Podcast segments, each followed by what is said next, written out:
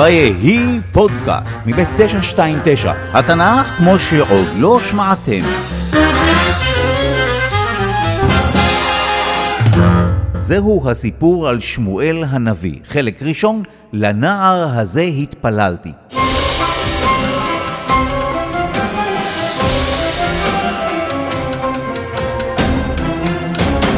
אז איפה היינו? בסוף תקופת השופטים, ועל אותה תקופה נאמר, ובימים ההם לא היה מלך בישראל, ואיש הישר בעיניו יעשה, שזה... איך אני אסביר מה זה אומר? היי, עזוב אותי! למה מה תעשה לי? תקרא למלך? שמישהו יעשה משהו!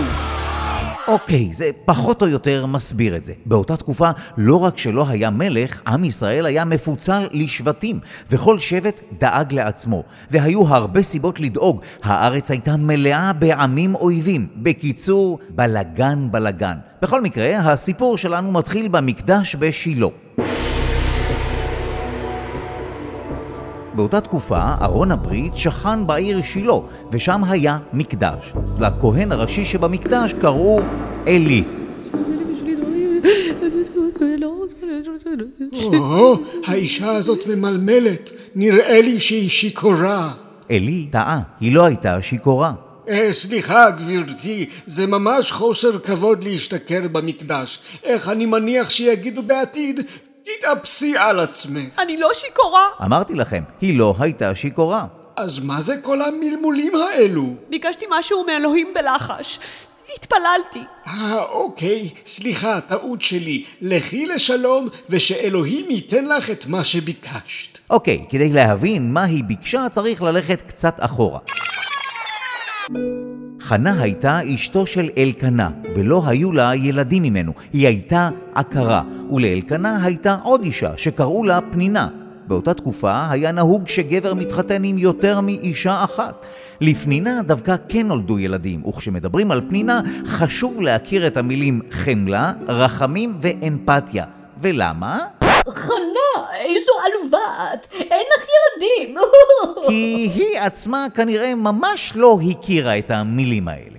אלקנה, שאהב מאוד את חנה, ניסה לנחם אותה, אבל זה לא עזר. אז חנה החליטה לעשות עסקה עם אלוהים. אם אלוהים ייתן לה בן, היא תקדיש לו אותו. כלומר, הוא יהיה נזיר ויעבוד במקדש. אבל היא לא ביקשה את זה בקול מאלוהים, אלא בלחש. הנה, ככה. או, האישה הזאת ממלמלת, נראה לי שהיא שיכורה. אבל את זה כבר שמעתם. בואו נקפוץ קצת קדימה. לכי לשלום, ושאלוהים ייתן לך את מה שביקשת. התכוונתי עוד קצת קדימה, נגיד אה, שנה. אני אקרא לו שמואל, כי הוא בעצם לא שלי. שאלתי אותו מאלוהים. אז לא היה עדיף לקרוא לו שאול? אולי היא לא חשבה על זה? לא משנה. אז אלוהים קיים את החלק שלו בעסקה, וגם חנה. אחרי ששמואל נגמל, כלומר הפסיק לינוק, חנה הביאה אותו למקדש לעלי הכהן. הנה, תראה לי, זה שמואל. לנער הזה התפללתי. אז כן, חנה התפללה לילד, אלוהים שמע את תפילתה, ומאותו יום שמואל עבר לגור במקדש בשילה כדי לשרת את אלוהים. אה, ועוד משהו, אלוהים דאג שיוולדו לחנה עוד בנות ועוד בנים. חלק שני, בני עלי, בני בליעל.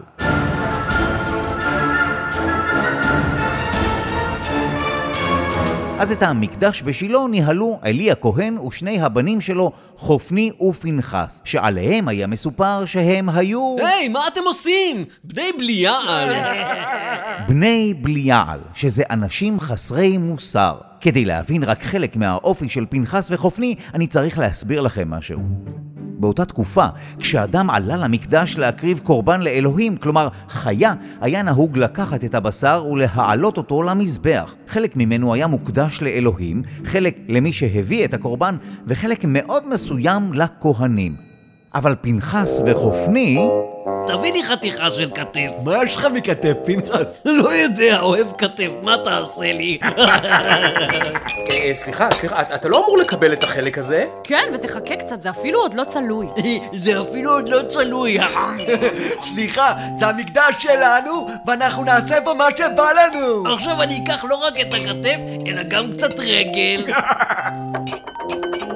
הבנים של עלי לא בדיוק שמרו על חוקי המקדש. למעשה הם זלזלו בעבודת המקדש ובקורבנות. עלי, ששמע את זה, ושמע גם על עוד חטאים של הבנים שלו, ניסה לגרום להם להפסיק. אני שומע עליכם דברים רעים מאוד, ואני מבקש שתפסיקו. עלק להפסיק, הצחקת אותנו! אני צוחק כל כך חזק שכואב לי בכתף. זאת אומרת בבטן, אבל הבטן שלי מלאה בכתף. באותו רגע נגזר גורלם של בני עלי. אלוהים החליט שהם ימותו ושכל משפחתו של עלי תיענש. אבל בואו נחזור לשמואל, שהיה ילד טוב ושירת את אלוהים. לילה אחד שמואל ששכב בהיכל שבו שכן ארון הברית שמע קול. מה? למה באמצע הלילה? עלי! עלי! מה, מי, מה? אה, למה באמצע החלום חלמתי יופי של חלום? קראת לי? אני? ממש לא. אה, טוב, אני חוזר להיכל. שמואל לא הבין מי מדבר אליו, כי באותה תקופה התגלויות של אלוהים לבני אדם היו מאוד מאוד מאוד נדירות, ולכן... טוב, בסדר, אני קם. באמת. אלי! אלי! מה, מה, מי, מה? או, או, למה עוד פעם באמצע החלום? חלמתי יופי של חלום. קראת לי? איך אני אקרא לך? אתה לא רואה שאני ישן לגמרי? ואז זה קרה גם בפעם השלישית. נו, מה יהיה? אלי! אלי! מי? מה, מה? שוב הפרעתי לך באמצע החלום הטוב. לא, הפעם זה היה סיוט. דווקא טוב שהערת אותי. עלי הבין מה קורה. הוא הבין שאלוהים הוא זה שקרא לשמואל. הוא אמר לשמואל לחזור לשכב, וכשישמע שוב את הקול שקורא לו, שיגיד לאלוהים שהוא שומע. באותו הלילה אלוהים דיבר עם שמואל וגילה לו שבגלל החטאים של חופני ופנחס, כל משפחתו של עלי עומדת להיענש. אז בבוקר...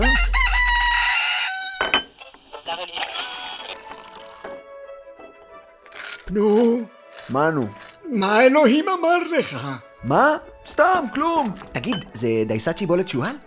שמואל, אל תסתיר ממני כלום. טוב, טוב. שמואל סיפר לעלי את כל מה שאלוהים אמר לו. טוב, מה לעשות? זה המצב, ואלוהים את הטוב בעיניו יעשה. עוד דייסה? למה לא? ומאותו יום אלוהים נגלה לשמואל כמה פעמים בשילה. חלק שלישי, המסע של ארון הברית.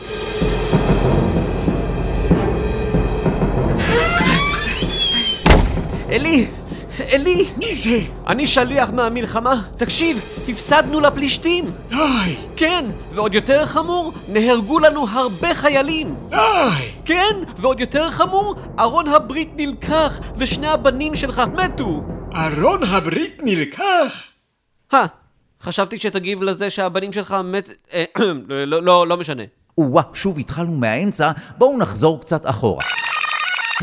באמת הייתה מלחמה נגד הפלישתים. אם אתם רוצים להיזכר מי הם הפלישתים, כדאי שתשמעו את הפרק על שמשון. בכל מקרה, בקרב הראשון נגד הפלישתים, בני ישראל הפסידו. אז לזקני ישראל היה רעיון. בוא נביא את ארון הברית לשדה הקרב! ארון הברית היה ארון שבו שמרו את לוחות הברית. הארון הזה היה קדוש, ובעזרתו נעשו ניסים. בני ישראל החשיבו את הארון הזה לנשק הסודי שלהם. ארון הברית שכן כאמור בשילה, ומי שנשאו אותו לאזור המלחמה היו בין השאר חופני ופנחס. יש! יש! ארון הברית הגיע! ניצחנו! הפלישתים שמעו את הצהלה של בני ישראל והבינו שארון הברית הגיע למחנה היריב. אוי ואבוי, האלוהים שלהם הגיע! אותו אלוהים שעשה להם ניסים כשהם יצאו ממצרים! אבל לצערם של בני ישראל, להגעה של ארון הברית היה דווקא אפקט פסיכולוגי הפוך על הפלישתים. ועכשיו כשהאלוהים שלהם לצידם, אנחנו חייבים להילחם עוד יותר בגבורה. אז הפלישתים שממילא היו לוחמים מיומנים נלחמו עוד יותר בגבורה. עכשיו אפשר לקפוץ שוב קדימה לתוצאות של הקרב. ארון הברית נלקח? מרוב תדהמה עלי נפל אחורה מהכיסא שלו ונהרג. וכך שילמה משפחת עלי על החטאים של חופני ופנחס. אבל מה יהיה על ארון הברית? האם הוא נשאר אצל הפלישתים? הראינו להם לבני ישראל האלו, אה? וגם לקחנו להם את ארון הברית. הפלישתים הביאו את ארון הברית לאשדוד, שהייתה בזמנו עיר פלישתית, ושמו אותו במקדש של האל שלהם, דגון. ואם ניצחנו אותם, סימן שדגון, האלוהים שלנו, חזק יותר מהאלוהים שלהם. בוא, בוא, בוא ניכנס למקדש. אוי, דגון נפל. הם מתכוונים לפסל של דגון שהיה במקדש. אתה חושב ש... לא, מה פתאום, זה סתם צירוף מקרים. הם החזירו את פסל דגון למקומו, אבל כשהם חזרו למקדש למחרת בבוקר... אה, תראה, הראש של דגון נפל, וגם הידיים שלו כרותות. אה, זה בטח עדיין צירוף מקרים. איך צירוף מקרים? בוא, בוא, בוא נעוף מהר מהמקדש! צודק! בוא, בוא נשב אצלי בבית ונשתה קצת מים. אלוהים גם היכה את תושבי אשדוד במחלה שלא נפרט בדיוק מהי, רק נרמוז שהיא מתחרזת עם צחורים, ושהיא מאוד כאבה להם ולא אפשרה להם לשבת. אך, בוא, בוא נעמוד אצלי בבית ונשתה קצת מים. אז כל סרני פלישתים, שזה השליטים של הערים הפלישתיות, התכנסו. חברים, כינסתי את הישיבה הזאת. זאת אומרת, זו לא בדיוק ישיבה, אני עומד. כינסתי את העמידה הזאת, כי אלוהי ישראל היכה בעיר שלי, אשדוד. סרני פלישתים החליטו להעביר את הארון לעיר פלישתית אחרת, גת. אבל אלוהים העניש גם את תושבי גת, ואחר כך גם את תושבי עקרון. חברים, הזמנתי עוד ישיבה, זאת אומרת, עוד עמידה, כדי שהכהנים והקוסמים שלנו יגידו לנו מה לעשות עם ארון הברית. אז קבלו את הכהנים הפלישתים!